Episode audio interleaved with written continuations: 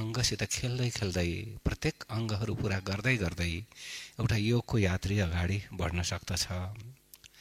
योग यात्रीको निमित्त शरीरको स्वास्थ्य पनि चाहिन्छ मनको स्वास्थ्य पनि चाहिन्छ।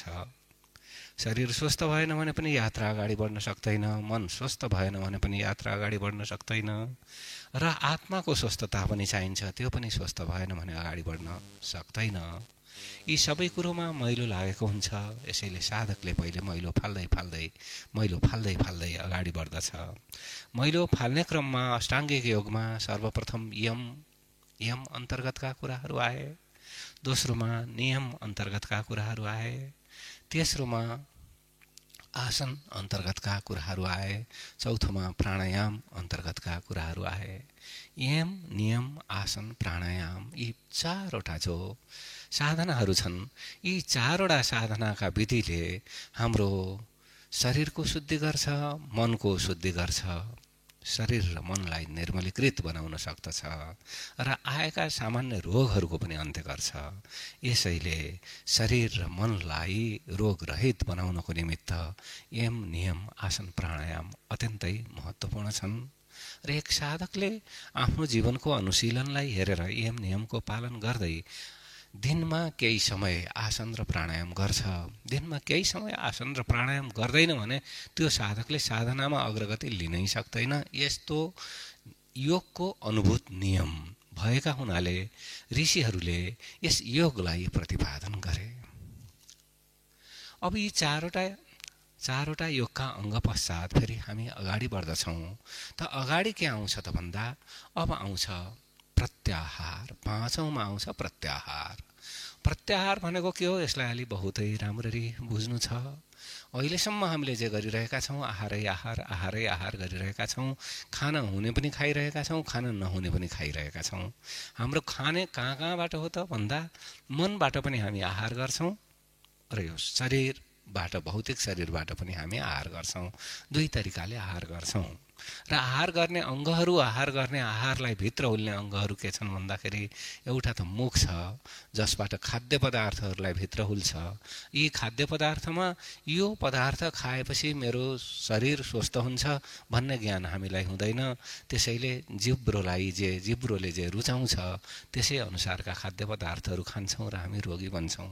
योगको यात्रामा लागिसकेपछि अब खाद्य पदार्थहरू दुई भागमा टुङ्गिन्छन्। एक भागका खाद्य पदार्थहरू मेरो चेतनालाई विघ्न बाधा नल्याउने मेरो शरीरमा विघ्न बाधा नल्याउने मेरो शरीरलाई स्वस्थ बनाउन मद्दत गर्ने मेरो शरीरलाई समृद्ध बनाउन बलियो बनाउन मद्दत गर्ने एक थरी यस्ता खानाहरू।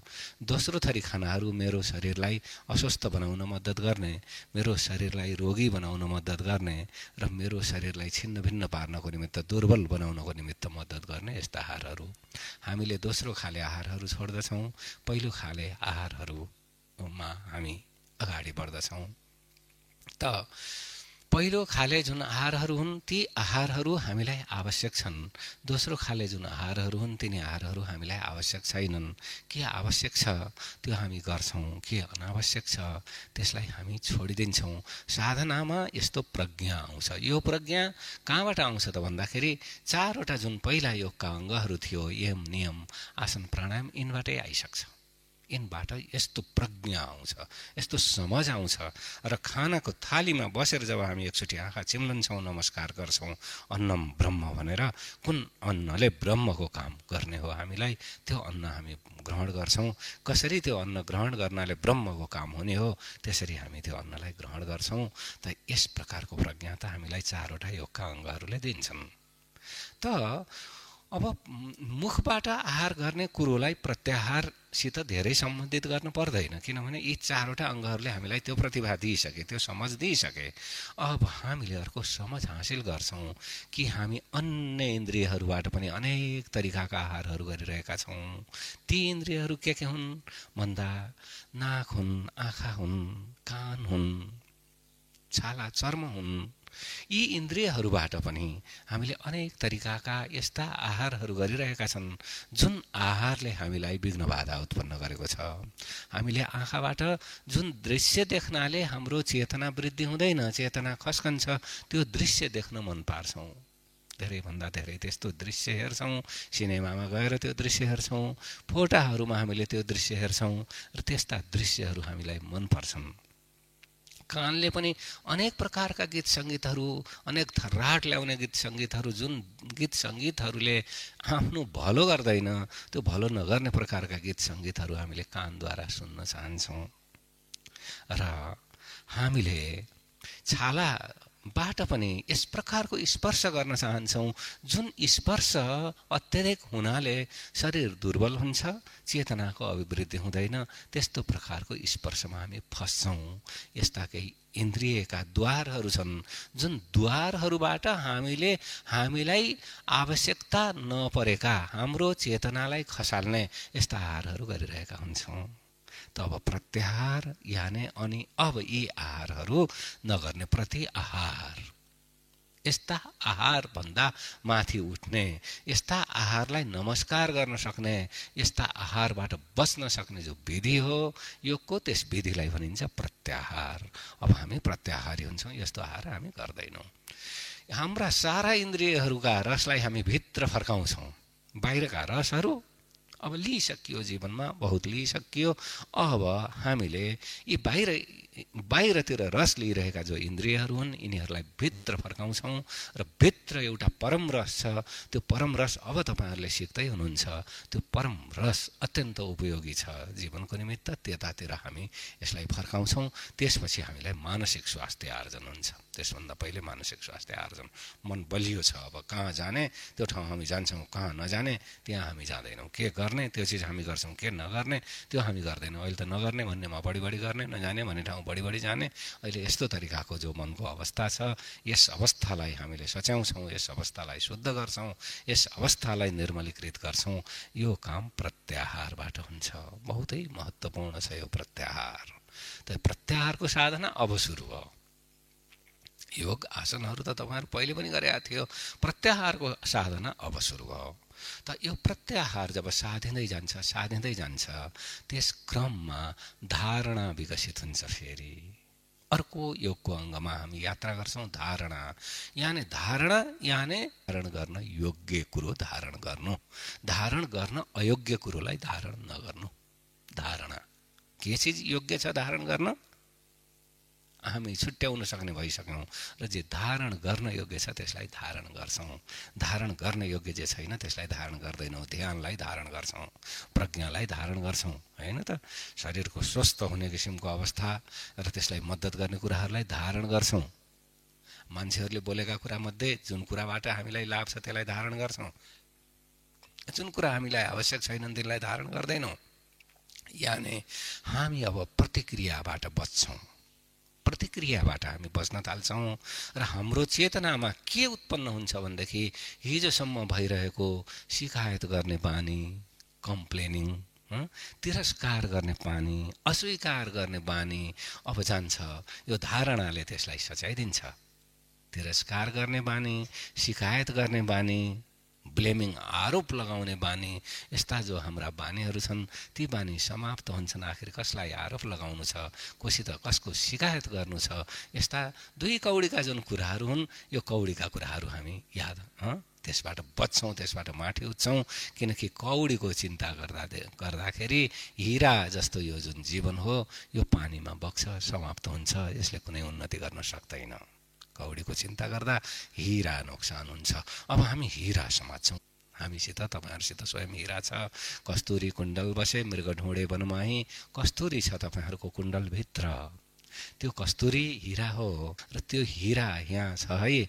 यसरी यसको संरक्षण हुन्छ भन्ने कुरो बताएर तपाईँहरूलाई जाने बेलासम्म त्यसको परिपाक गराउने हो त्यस प्रकारको हिरा। कवीरजीले हिरा जब पाउनुभयो अनि कवीरजी भन्नुहुन्छ कि हिरा पायो गाँठ गठी आयो लागो पनि बाट।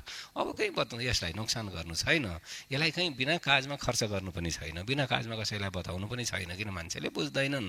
भन्दाखेरि यो हिरा मैले पाएँ अब गाँठ गठी आयो। फु पक्को गाँठ हो बनाएर लागो भने बाटो। म आफ्नो बाटो लागेँ भन्छन् कवीरजी यस प्रकारको हिरा। त्यो विषयमा पनि हाम्रो चर्चा जान्छ। त यो प्रत्याहारबाट हाम्रो त्यो योग्यता उत्पन्न हुन्छ। योगका जुन आठवटा अङ्गहरू हुन् आठवटा अङ्गबाट योगलाई ग्रहण गर्ने योग्यता हाम्रो पैदा हुन्छ। यसैले यसमा हामी यति धेरै मेहनत मद्दत गरिरहेका छौँ। र धारणा पछि अर्को आउँछ ध्यान। ध्यान अब यस प्रकारको वस्तु हो जसले हामीले भनिहाल्यौँ कि म हुँ यो कुरोलाई प्रबल बनाउँछ र म भनेको को हुँ यसको जानकारी दिन्छ त्यसपछि त्यो म हुँ। यस होसमा यसको प्रखर होसमा बाँच्न सिकाउँछ त्यसको नाउँ ध्यान भनेर हामीले भनिसकेका छौँ कि म हुँ यस्तो बोध। सतत बोध त हुन गाह्रो छ धेरै समय यसको बोध धेरै समय म हुँ यसको बोधमा हामी बाँच्छौँ। अहिलेसम्म म हुँ भन्नाले हामीले आफ्नो शरीरलाई देखेका छौँ र यही शरीर म हुँ कि जस्तो लागिरहेको छ तपाईँहरूलाई यो जो यात्रा गराइँदैछ यस यात्राभरि म हुँ भन्ने तत्त्व त अर्कै छ। यो म को हो त्यो तपाईँहरूलाई बताइदिने हो अब। तपाईँहरूले थाहा पाएर जाने हो यहाँबाट को हो म? जसलाई म म म म भन्दैछौँ हामी त्यो को हो? असली रूपमा त्यो हो त्यो तपाईँहरूलाई बताइदिने हो। त्यसको प्रज्ञा पाएर त्यस्तो त्यसको यथार्थ विज्ञान पाएर तपाईँहरू यहाँबाट जानुहुन्छ। त्यसभन्दा पहिले त तपाईँहरू जानुहुन्न।